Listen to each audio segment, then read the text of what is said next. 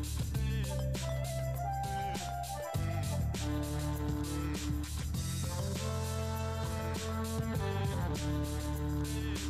hører på Bærum biblioteks podkast Studio 4444.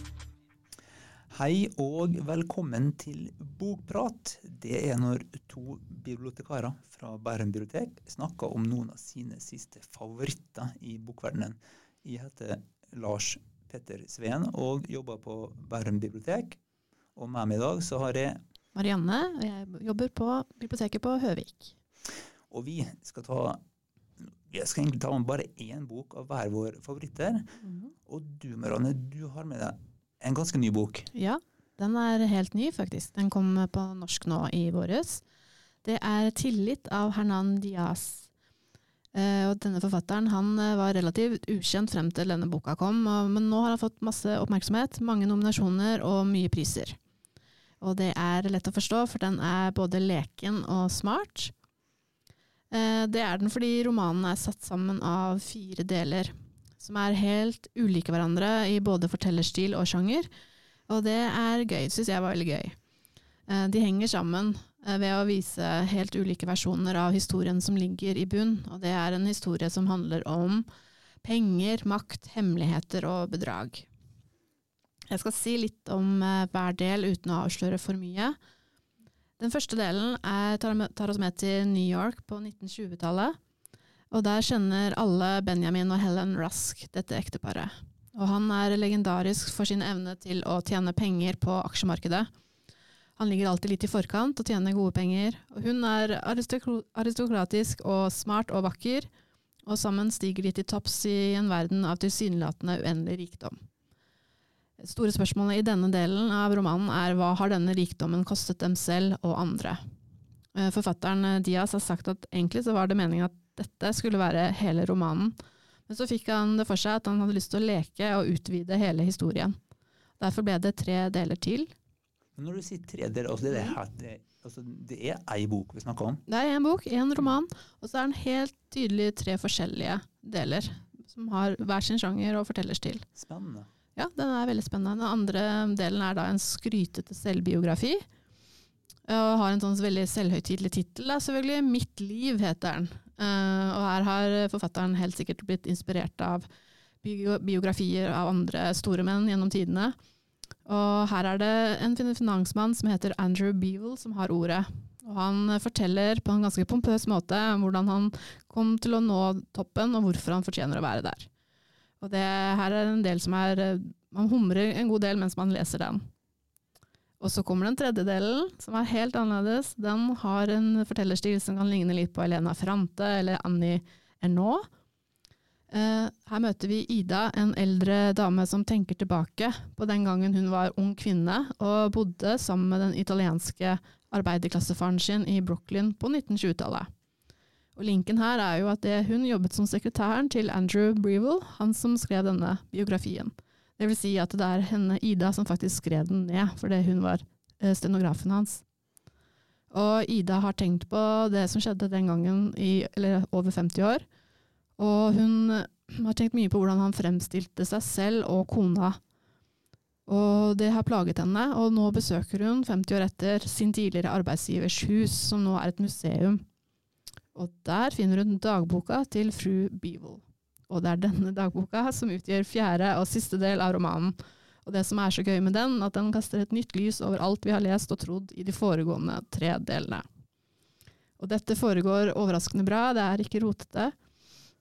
Det er jo selvfølgelig fordi Diaz er jo en flink forfatter, men også fordi det er masse spennende elementer han bruker eh, fra spenningslitteraturen.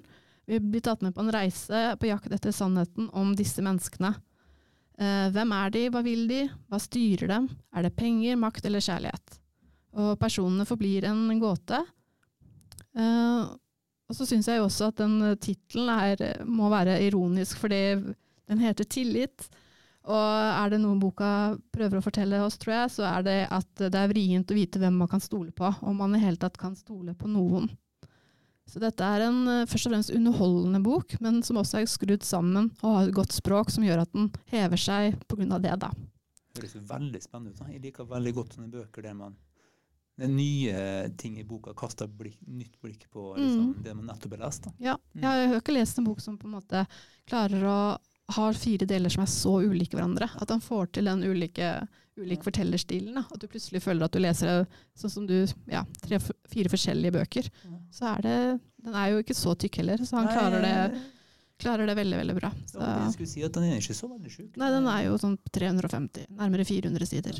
Så det er nesten fire kortromaner inni ei bok. Da. Ja, og så henger det jo da sammen med at de ja, kaste lys på forskjellige deler av historien. Da. Spennende. Jeg fikk jo utrolig fin omtale. I Mm. USA selvfølgelig, men ikke minst når den kom i Norge i, Mm. tidligere i vinter. Mm. Den ble hylla overalt. Ja. kom. Det var veldig, veldig På engelsk så heter den jo 'Trust'. Mm. Og det har jo en dobbel betydning i, på engelsk.